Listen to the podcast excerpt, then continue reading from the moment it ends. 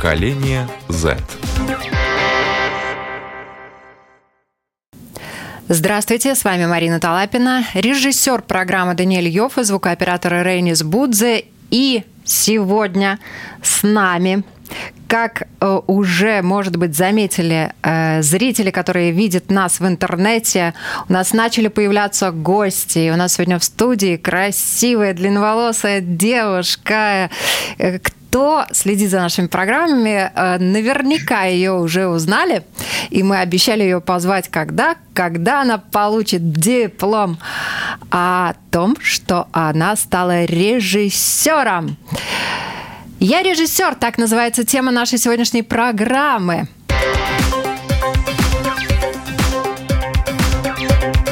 Поколение Z. А почему? А потому что Элизабета Кузика, наша героиня, сняла фильм, который называется «Папа», короткометражный фильм. «Папа» вышел на просторах интернета. И сейчас, смотрите, короткий трейлер к нему. У нас ведь никого больше не было, кроме тебя.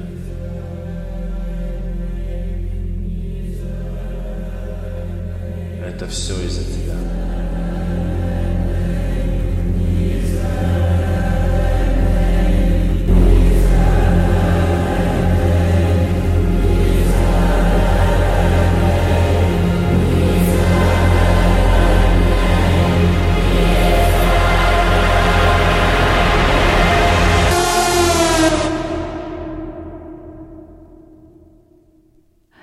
Мы решили, конечно, здорово поговорить о режиссере, но еще интереснее э, узнать, что думают о ней ее коллеги, актеры и сценаристы. И я рада представить сегодня с нами на связи исполнитель главной роли Эрик Зуевич. Привет.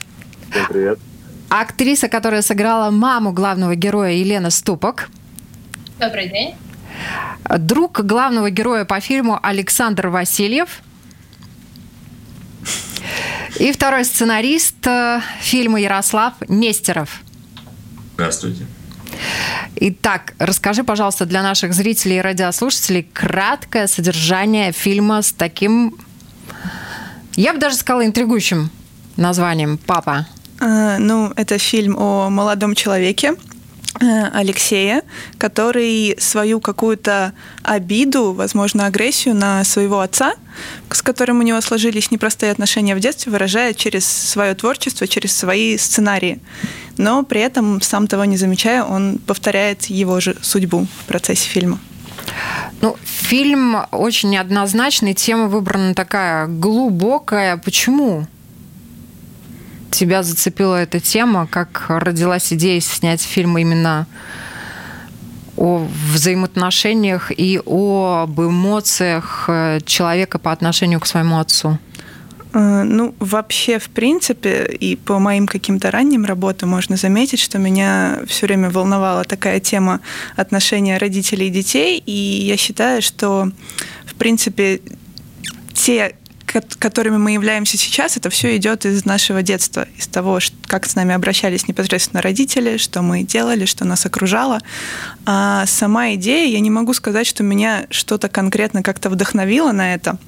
Обычно идеи к моим работам приходят ко мне просто как-то спонтанно, что-то в голове появляется какой-то образ, какая-то мысль, и просто дальше я стараюсь ее развивать, развивать, развивать.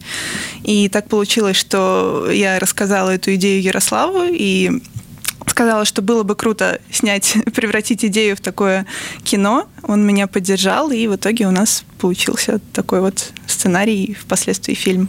Ну, раз а, у тебя есть а, твой соратник по а, реализации этой идеи, хочется спросить Ярослава тоже. Вот эта э, история, она абсолютно такая жизненная, наверняка могла произойти. Вот это э, действительно история, которая была с кем-то там из ваших знакомых? Или... Нет, нет, это история полностью вымышленная. Э, Элизабет ко мне обратилась с идеей, сказала, неплохо бы было снять фильм о человеке, который пишет сценарий, который учится на режиссера и пишет сценарий о расправах над своим отцом. Я эту идею взял, раскрутил, добавил ей скелет, мясо, так сказать, и получилось то, что получилось. Ну, получилось. А, хорошо, давайте посмотрим фрагмент из вашего фильма. У тебя одна одна задача.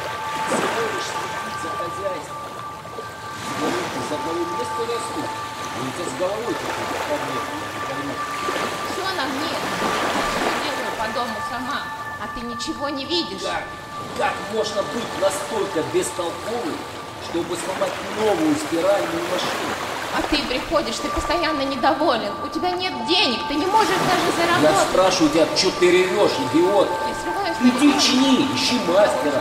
Мне плевать, что ты выйти. будешь делать. Я хочу выйти из Не этой квартиры. Будешь Мне стирать надоело. Ему нужно немножко больше, чем твое творчество. Такое мясо, бытовуха, на самом деле, которое знакомо, возможно, многим из жизни. Я, э, когда готовилась к программе, после просмотра фильма я подумала вообще говорить о фильме или об этой проблеме жизненной в взаимоотношениях отцов и детей. Вот сын, который э, все время мысленно во снах э, своих мстит, как-то пытается наказать своего отца. Насколько эта ситуация э, реально э, в жизни? Вот вы знаете таких людей, которые хотят наказать своих родителей? Я думаю, что в принципе в творчестве у тебя неосознанно проявляются твои какие-то, может быть, подавленные желания и то, что ты когда-то пережил. И многие творческие люди, они сами выплескивают свои какие-то переживания, которые они не могут, может быть, кому-то рассказать или поделиться, или просто сорваться на ком-то. Просто они такие сами по себе интроверты, но именно свое какое-то вот творчество, будь то кино, живопись, не знаю, музыка, все что угодно, это помогает им как-то наконец-таки вырваться, расслабиться и отпустить вот эту вот свою немножко агрессию какую-то зажатость внутреннюю. Хочется спросить, как выбирали актеров, в том числе на главную роль? Э, Мы делали кастинг просто на Фейсбуке, в Инстаграме, везде выставляли как объявление, что мы снимаем фильм, такая-то идея. И, в принципе, просто приглашали практически всех, кто откликнулся. И так получилось, что Эрик, он э, больше всего, во-первых, подошел по внешнему типажу, ну и как-то мы немножко старались копнуть глубже, переживали ли они, например, что-то подобное в своей жизни. Э, Я не знаю, захочет Эрик сейчас личные какие-то свои темы раскрывать, но, в принципе, он сказал, что у него было что-то похожее. И также мы очень хорошо попали с девушкой, которая играла Инну, впоследствии жену Алексея, главного героя. Э, Эта девочка, она сказала, что она сама родила ребенка в школьном возрасте, и, в принципе, она пережила примерно то же самое, что испытывает как раз-таки главная героиня. Ну и по такому принципу мы выбирали как бы всех остальных. Ну, старались, по крайней мере, главных героях. Остальные уже просто кто-то знакомый, кто-то просто хорошо подошел. Вот так вот. Эрик, хочется спросить, Да. конечно, каково было играть человека, который ненавидит своего отца и хочет его наказать? А, Вы знаете, как говорила Лиза, ну, а, если уже так говорить откровенно, да, были у меня такие же переживания, похожие в жизни, но как бы я их уже отпустил.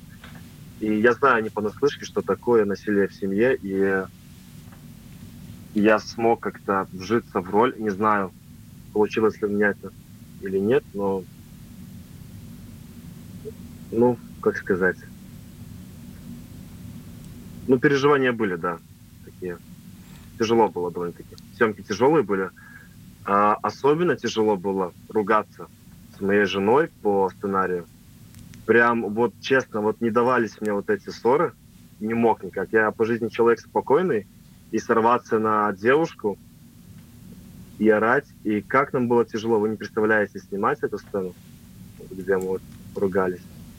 К нам даже полиция в гости пришла, потому что О, соседи да. пожаловались.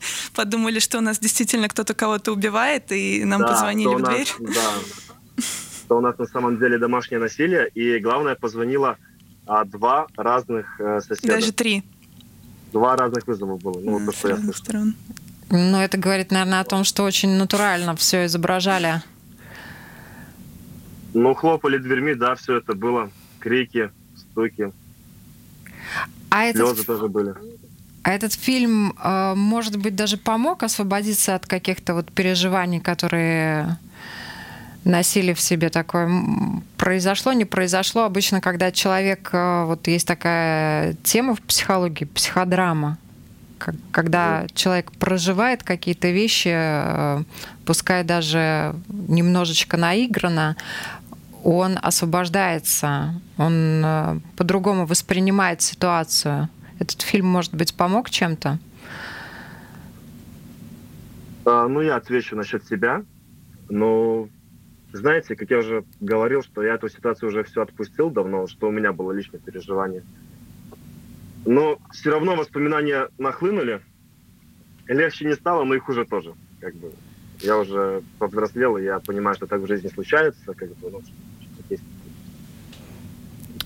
Хочется спросить Лену, которая играла маму. Вот. Вы там вначале стоите такая растерянная, к вам претензию сын предъявляет, что не разбудили. Хотя у него, у взрослого самого будильник зазвонил. Вот я не поняла, почему претензию предъявил маме. Взрослый человек. Тем не менее, мама стояла растерянная. А, э, режиссер ставил такую задачу, что я должна чувствовать себя. Мне было даже, мне было, во-первых, очень приятно работать с Лизой, и потому что она даже подсказывала те, скажем так, примеры в большом кинематографе, которые я могу взять на вооружение, чтобы передать ту эмоцию, которую она закладывала в этот сюжет. А, Плюс с Эриком было намного, ну, достаточно легко работать, и мне казалось, что он должен был более э, скажем так, агрессивно предъявить мне претензию, но на самом деле нет. Ну, я рада, если я была растеряна, значит, я выполнила задачу, передо- ставленную передо мной. И это была одна из первых сцен, которые мы снимали. Поэтому вот на самом деле было интересно. Александр, А? Вот э, вам, э, когда предложили играть друга, вы, может быть, хотели сыграть главного героя?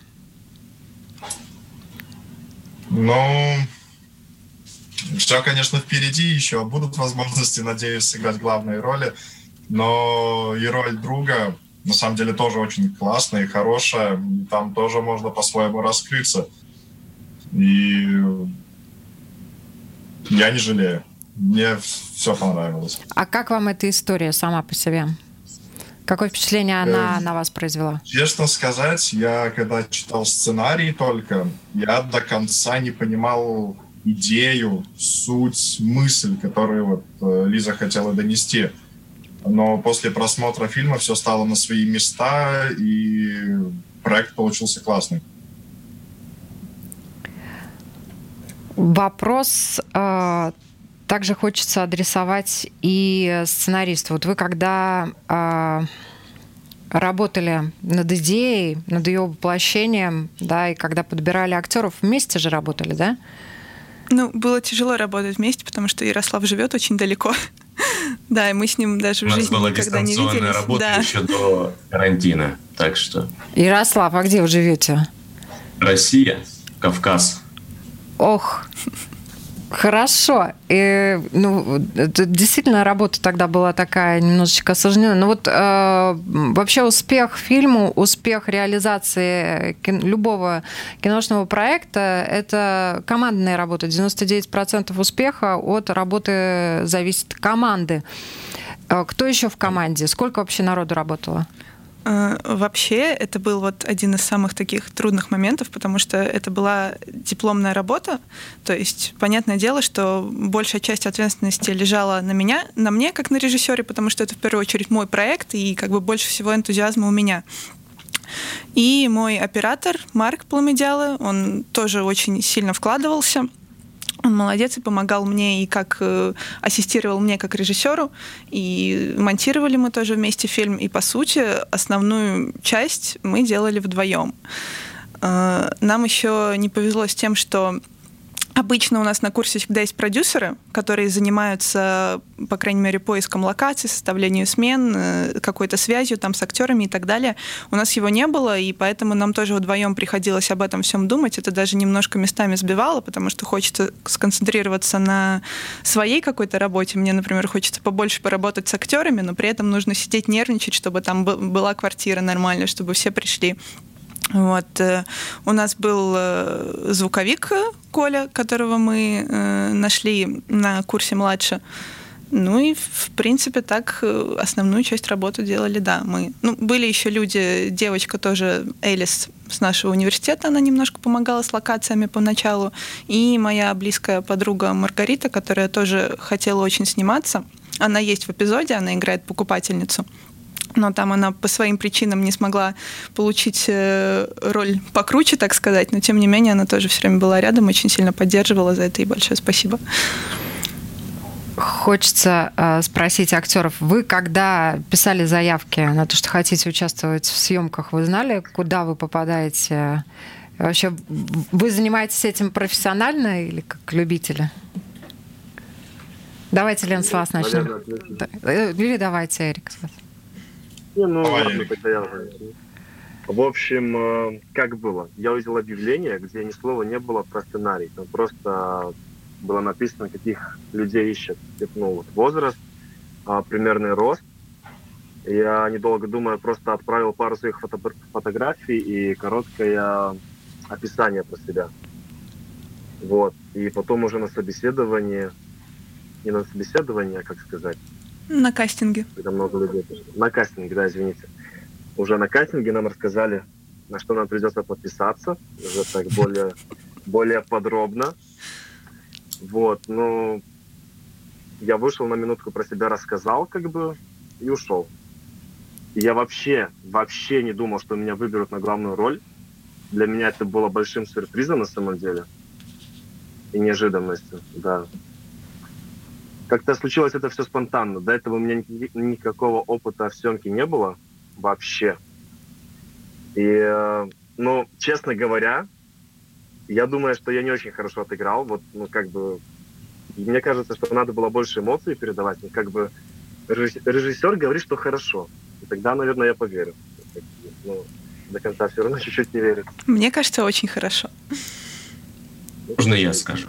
Да. Я, я ругал его в личку Элизабет, ну, так, между собой. Я его очень сильно ругал поначалу, когда она мне скидывала его сцены. Но когда я увидел конечный результат, конечный фильм, мне, скажу честно, понравилось. Я, ну, придраться, конечно, есть к чему, но сыграл для первой роли очень даже хорошо. Так что...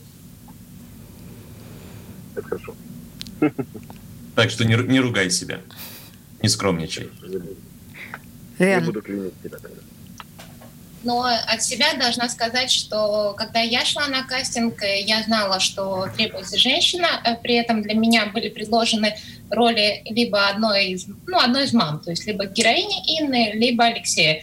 Мне казалось, что роль мамы Алексея, она более наполнена, она более эмоциональна, она сложнее, и, конечно же, я просилась именно на эту роль. Эм, надо было презентовать себя, рассказать, был ли у нас какой-то опыт до этого. У меня был опыт, э, о котором девочка и мне не хотелось рассказывать, потому что у меня был кубок за роль второго плана, но я не играла ни принцессу, ни царевну, ни снежинку, ни снегурочку, а я играла Кикимору болотную.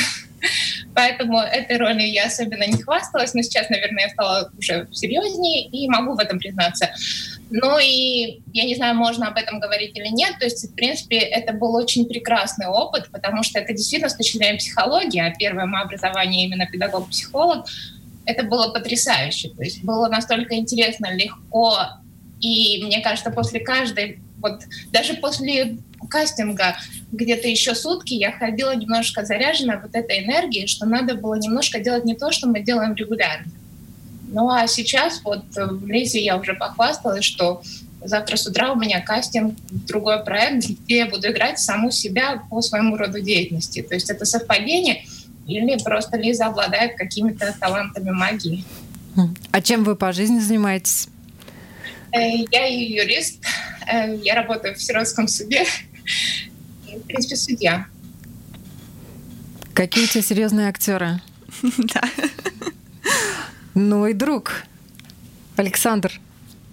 Эм, Это для меня не первый опыт в съемках. Я уже участвовал как в лизиных проектах, так и эм, в других. И было... Каждая съемка, она отличается от предыдущей. Каждый раз э, новые переживания. Каждый раз э, это стресс. Каждый раз это эмоции, знакомства. И э, просто все отлично. Хочется почему-то вас спросить, борода накладная? Нет, настоящая. Вот э, интересно, конечно, э, на суд зрителей фильм отдавать есть уже какие-то отзывы. Я должна сразу предупредить, что это дипломная работа, и ребята сами рассказали о том, кто они, что они, что это и первый опыт, и если не первый опыт, то даже не десятый, да, то есть это все равно, ну, э, нечто новое э, для актеров, э, для режиссера это дипломная работа, да, так что не судите строго, Э, но э, фильм действительно очень глубокий по своей сути, по своему смыслу, то, о чем он заставляет задуматься. Отец-абьюзер, мать и ребенок жертвы, да, и ребенок вырастает, в принципе, по сути, ну, такого же абьюзера, да, человека, который ну, не справляется с какими-то жизненными ситуациями, бежит от них. Э, Тема извечная отцов и детей. И интересно и важно, наверное, то, что э, ты решила об этом поговорить. Вот все, кто видел картину, какую они дают обратную связь? Ну, пока именно какие-то такие чужие мне люди, они мало кто посмотрел, потому что все-таки фильм вышел в интернет совсем недавно, можно сказать, пару дней назад. Э, У нас была такая мини-премьера, где все ну, почти все актеры были, вот не было только Эрика, к сожалению. И некоторые мои друзья. Всем понравилось, как бы мне многие писали, что несмотря на то, что Лиза, ты мой там близкий друг, все равно они как-то пытались от этого абстрагироваться и говорить, что да, им действительно очень это как бы зашло. И еще один просто какой-то мальчик, который подписан на меня в Инстаграме, мы с ним никогда не виделись, поэтому я могу сказать, что его мнение объективное. Он э, мне сказал, что он честно, когда включал фильм, думал, что ему придется перематывать, что это будет скучно. Но он очень удивился тому, что его это зацепило, и фильм держал все там почти 40 минут. И он досмотрел, и ему действительно понравилось. Поэтому я думаю, можно сказать, что это о чем-то говорит. Я читала тоже некоторые комментарии, э, когда актеры, там их знакомые, они репостили у себя. Я люблю заходить и смотреть, что их знакомые пишут. И э, некоторые как бы согласны с темой того, ну, как бы кто-то лучше так скажу, осуждает этого главного героя, а кто-то нет, потому что кто-то думает, что все-таки у детей нету какого-то морального права осуждать своих родителей, а кто-то наоборот, наверное, те, кто, может быть, сталкивались в жизни с этой ситуацией, те наоборот как бы поддерживают и понимают, почему так произошло. Но если осуждают, то, скорее всего, зацепило эмоционально да, и Наверное. там люди уже начинают эмоции свои э, выплескивать, это тоже хорошо. А что а, сказали а, преподаватели, которые принимали твой диплом, твою дипломную работу? Э, Преподавателям в основном понравилось. Сказали, что достаточно сильный фильм. Фильм э, держит. Э, Конечно, были определенные косяки, но там больше какие-то технические моменты, за которые, кстати, вот и Марк, и я тоже немножко переживала именно, что как зрители увидят и будет ли за это как-то это цеплять и мешать смотреть, но вроде бы все хорошо. Э, Немножко мне сказали за актерскую игру, но опять же я не осуждаю никого из своих актеров, потому что, как говорит мой научный руководитель, не бывает плохих актеров, есть только плохие режиссеры. И, наверное, все-таки тут мне пока еще не хватает какого-то опыта работы, э, как бы заставлять, ну, не то что заставлять, ну да, научить их играть именно так, как мне хотелось бы. Но я думаю, это все еще придет. На данный момент самое главное, что и я, и Марк, и все мы довольны результатом, тем, что получилось. Ребята, а вам как фильм? Вот вы когда увидели себя уже в итоговом результате? Давайте скажу я. Я изначально хотел Элизабет поругать. Я даже еще не смотрел фильм, но я знал, что я хочу ее поругать, потому что иначе она не научится хорошо снимать. Это но... такой хороший критик у тебя есть, да? Я, я к нему очень часто прислушиваюсь. Масса. Пусть она будет обижаться, но лучше пускай обижается на меня. Ничего, ладно. Но когда я посмотрел, я понял, что особо ругать и не за что. Учитывая, что это первый самый фильм, учитывая, что для многих актеров это первые самые роли, учитывая, что для сценариста это первый опыт написания сценариев, э, я понял, ну, особо придраться не к чему. Картинка приятная, играют, играют. Сценарий, сценарий есть, все. Я думаю, посмотреть будет приятно, хотя бы для разнообразия. Посыл есть. Ярослав, вот, кстати, мы э, у ребят спросили, чем они по жизни занимаются, кроме э, того, когда участвуют в проектах э, наподобие Лизиного. Э, а вы чем занимаетесь? Вообще, как вы познакомились? Кавказ и Латвия. Мы познакомились, это очень долгая история о неразделенной любви, в которой Элизабет была посредником. А, а чем я занимаюсь? Я в основном пишу и занимаюсь голосом, озвучкой и прочим. Да, Ярослав очень хочет работать на радио, кстати. Я думаю об этом. Да. Потенциальный коллега. Возможно. Да. Ребят, э, вам вопрос. Вот фильм увидели. Какие эмоции первые испытали, Лена? Э, ну, я на премьере была вместе со своим сыном, э, взрослым, 15-летним. Мне было очень важно, что он скажет. И, и вот э, мне было важно мнение моего сына. И, во-первых, он не согласился, он не верил мне, что это дипломная работа, что это что-то первое, потому что он сказал, это полноценный фильм. Ему было необычно слышать мой голос, и при этом он сказал, что фильм был интересный, что он смотрел его от начала до конца. Э, когда я с дочкой посмотрела этот фильм, она приревновала меня, вернее, Эрика, когда он в конце позвонил маме и сказал, мама, я тебя люблю. Ну, то есть мой маленький ребенок согласился. Он сказал, что это она меня любит, а не какой-то там парень с экрана. Более того, все мои коллеги уже посмотрели этот фильм, э, и даже моя мама, моей маме не понравился фильм, она сказала, что это не я. Значит, все-таки фильм тоже удался, просто она не любит такие фильмы. И, возможно, она не видит меня в роли вот женщины, которую с ребенком бросил мужчина. То есть, э, ну, наверное, сюжет ей не понравился. Может быть, у нее тоже есть какие-то скелеты в шкафу, которые задел сам сюжет, фильм. То есть не буду, не буду рассказывать. Что касается моих коллег, они не согласны были с тем, что я была только в двух местах. То есть они, конечно, хотели, чтобы меня было больше.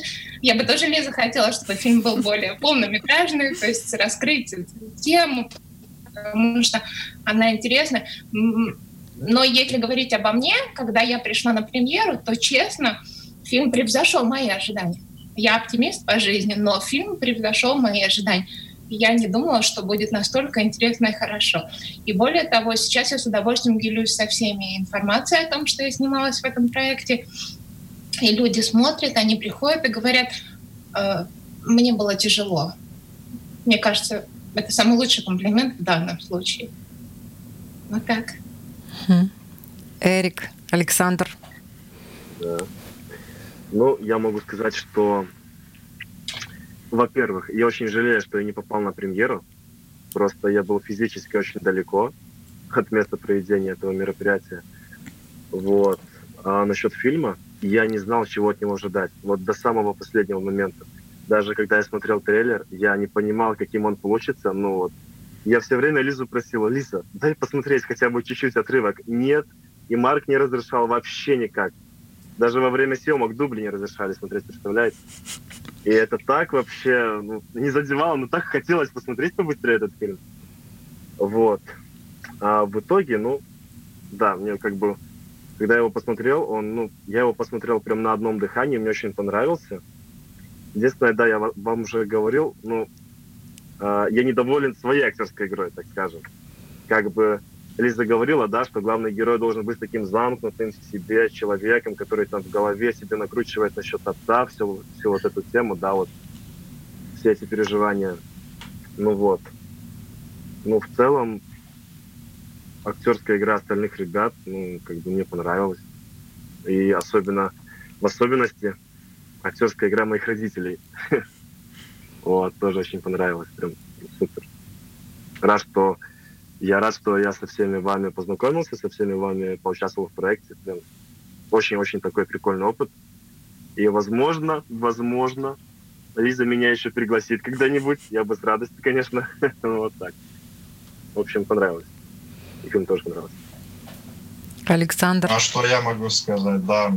Эм, я-то еще по совместительству являюсь актером театра нашего местного Ургурского и уже практически 10 лет в этой стезе. И смотреть, вот, что было этот фильм, что записи своих выступлений на сцене, из опыта уже как-то ты по-другому начинаешь на это смотреть и больше анализируешь с той стороны, от которых простой зритель даже не задумывается.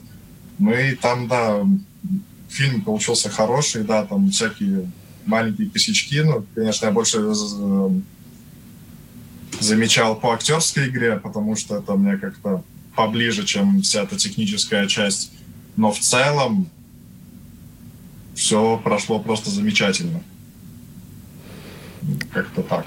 Хочется про техническую сторону вопрос тоже спросить. Понятно, что э, любое кино это бюджет. Даже малобюджетное кино, оно все равно мало бюджетное и требует каких-то финансовых вливаний. Во сколько обошелся фильм? Мы точную смету не составляли, чтобы не портить себе настроение. Но я думаю, где-то чуть больше 500 евро где-то было так. Потому что мы арендовали две квартиры под съемки мы брали стабилизатор, ну и по мелочи такие вещи, как реквизиты и так далее. Ну и плюс э, тоже было сложно делать это все во времена карантина. У нас там много чего сорвалось, поэтому приходилось там крутиться, вертеться, насколько это возможно. Но в целом, да. В целом мы довольны, нам, нам не жалко. А, на что снимали? Ну, наверное, техническую часть это лучше рассказал бы Марк, который сегодня не смог присутствовать. Но, в принципе, всю технику нам предоставлял университет. В этом плане нам повезло. Mm-hmm. Ну, кроме это вот... профессиональная аппаратура, да? Да, да, да. И монтировали, соответственно, тоже на профессиональных да. программах. Кстати, у нас есть колопушка. Да. Хлопнем ею в конце, но покажи все равно нашим зрителям, кто нас видит. Это, да, есть... рабочая. Она даже у нас сломалась в процессе. Мы уже новый болтик закрутили, потому что она не выдержала тоже напряжения в какой-то момент. Сколько дублей было снято? Ой, очень много. У нас было так, что вот сколько мы с ребятами по 80, наверное, раз переснимали иногда сцену. Ну вот фильмы, э, большие художественные фильмы, плюс-минус там снимают э, день три минуты да, угу. то есть э, снимают целый день, съемочный день, а в итоге на выходе только три минуты. У вас как? Ну, у нас, наверное, все-таки побыстрее, но у нас было так, что две недели у нас были съемки каждый день абсолютно. Потом случился карантин и жесткие ограничения. Мы больше месяца не снимали. И потом вот в последний день перед предзащитой мы снимали как раз-таки сцену, где маленький Алексей Э, с мамой. И э, сцену на море, где Алексей Инна, и они встречают эту девушку, которой он потом идет. И потом мы не спали, всю ночь монтировали.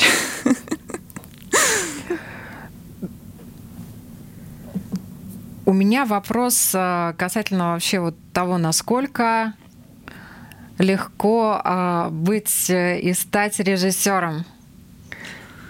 Ой, как опять же говорил мой научный руководитель, это ужасно трудная профессия, что мало кто хочет туда идти, но это очень здорово. Конечно, бывали у меня моменты, но, наверное, это из-за того, что Сейчас во время съемок была такая ситуация с карантином и со всем, и это нужно было очень сильно спешить, чтобы успеть все сделать в сроки. И мы просто уже в какой-то момент сходили с ума. Я сидела, думала, боже мой, почему я не пошла там, не знаю, на мастера маникюра или что-то такое. не в кино сейчас сидела бы там, горе бы не знала. Но, тем не менее, особенно когда уже видишь результат, когда уже вспоминаешь, как все проходило и с какими хорошими людьми получилось поработать. На самом деле это приносит огромное удовольствие и хочется заниматься этим дальше. Но единственное, да, тоже была очень большая трудность, как я говорила, что мы, по сути, делали все вдвоем. Если бы, может быть, каждый занимался конкретно своей работой, то есть я, например, режиссерской работой, работой с актерами, Марк бы отвечал за операторскую часть, за технику, то было бы, конечно, все проще. Тут это очень большое давление все-таки оказывает то, что э, нету людей, которые как-то помогают, потому что съемки это всегда какой-то большой продакшн, хотя бы 10 человек, которые трудятся, а тут мы вдвоем, конечно, это было очень тяжело.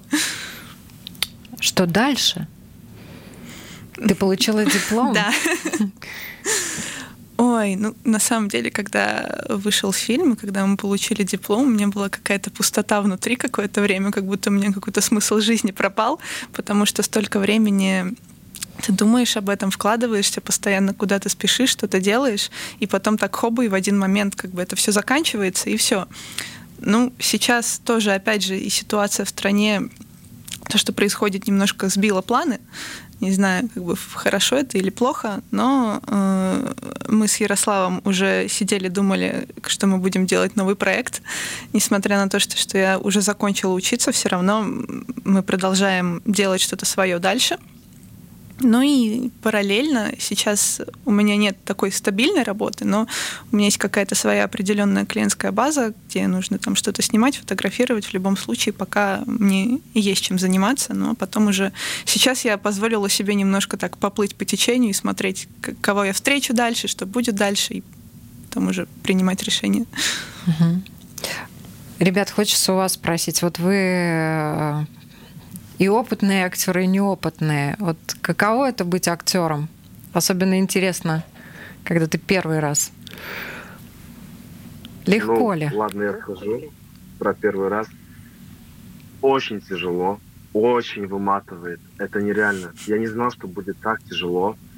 А, я Лизе говорил, может быть, если бы мы снимали комедию, было бы проще эмоционально. Она говорит, нет, эмоционально было бы еще сложнее. Но я до сих пор я не верю. Я думаю, что ну не может комедия, где шутят, где смеются, сниматься тяжело. Э, так же тяжело, как там, где драма. Да, и, ну да, как Лиза говорила, да, мы снимали прям две недели там, каждый день. И бывало так, что начинали с утра и до вечера, прям тяжело было. Ну, я не могу, у меня нет других слов, как тяжело. Ну, просто не знаю, честно. Ну еще ну, хотел бы сниматься? Хотел бы. Хотел бы. Несмотря на все это, а, я думаю, что игра стоила свеч. А, конечно, это отняло очень много свободного времени, но как бы я знал, на что я иду. Но я все равно, как бы, я отдавал себе отчет в том, что будет тяжело, но чтобы настолько. Эрик, а чем уже... ты занимаешься? А, до того, как э, начать, как мы начали снимать фильм, я был моряком, барменом на пароме, а теперь я бар-менеджер в баре в Юрмале. Вот, так что по барам, по барам общаюсь с людьми и так далее. А, ничего общего, как ни, почти ничего общего с жизнью главного героя у меня нет. Так. Лена. Так что полная противоположность моему сыну по фильму. Э, мне было я с нетерпением ждала, когда же, когда же Лиза позовет.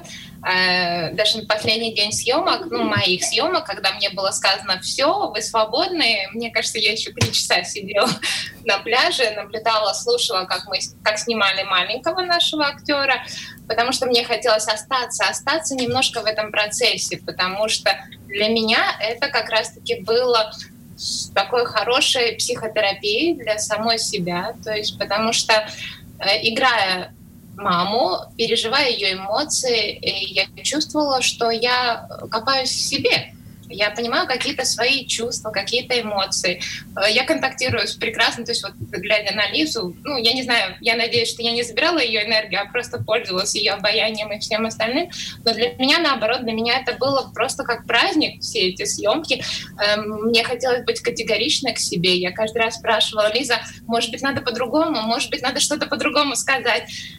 Но при этом, когда мы снимали в первый день, было интересно, потому что вот этот вот большой микрофон, который постоянно был где-то рядом, но он не должен был попасть в кадр, э, мы сняли сцену, то есть у меня не было ни слов, ничего, и когда все говорят звуковику, что он может выползти из-под стола и забрать вот эту лохматую штучку, а он говорит, нет, она же там вздыхает, и я хочу этот вздох записать, и, понимаете? И когда мы снимаем восьмой дубль, я начинаю думать, мне же надо вздохнуть, потому что это идет по звуку. Но на самом деле очень интересно. Э, необычный был опыт, когда меня позвали в студию, я должна была устроить скандал с человеком, которого я никогда не видела. При этом мне было сказано, Лен, ну он вас назвал вот так.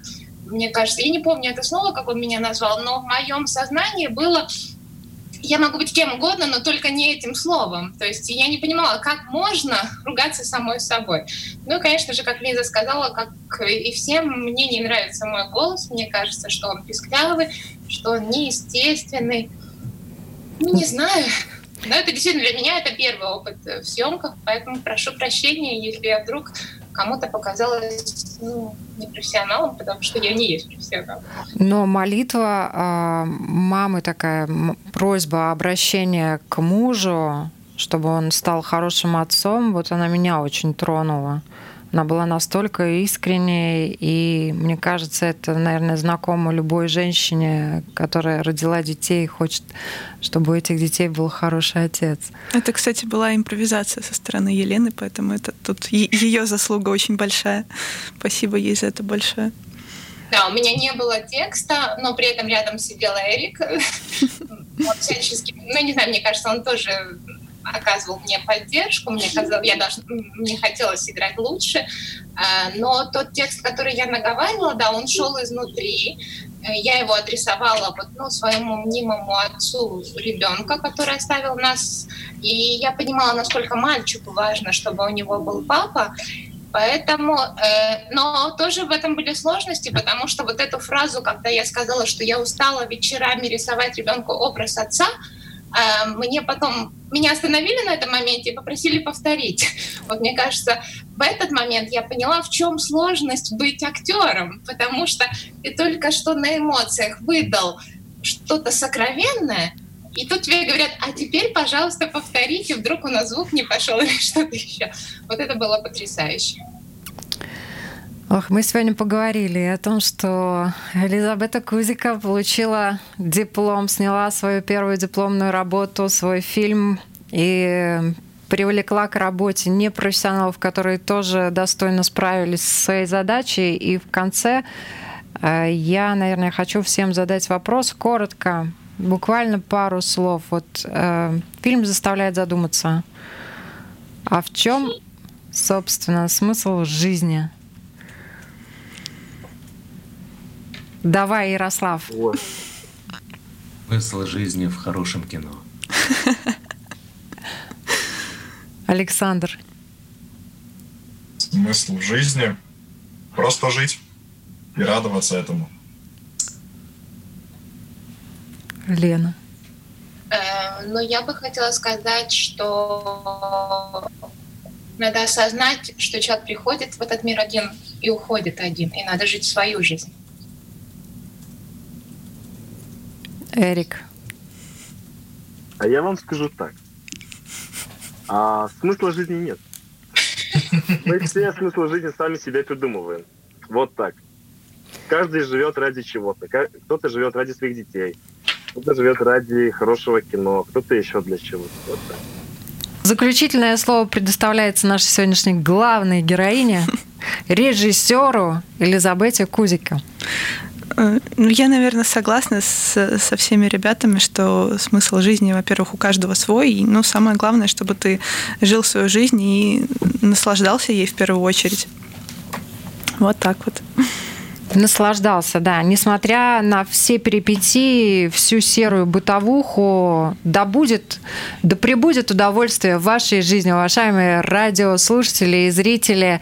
Я напоминаю, сегодня с нами а, в программе принимали участие Эрик Зуевич, Елена Ступак, Александр Васильев, Ярослав Нестеров и режиссер Элизабета Кузик. Всем хорошего дня!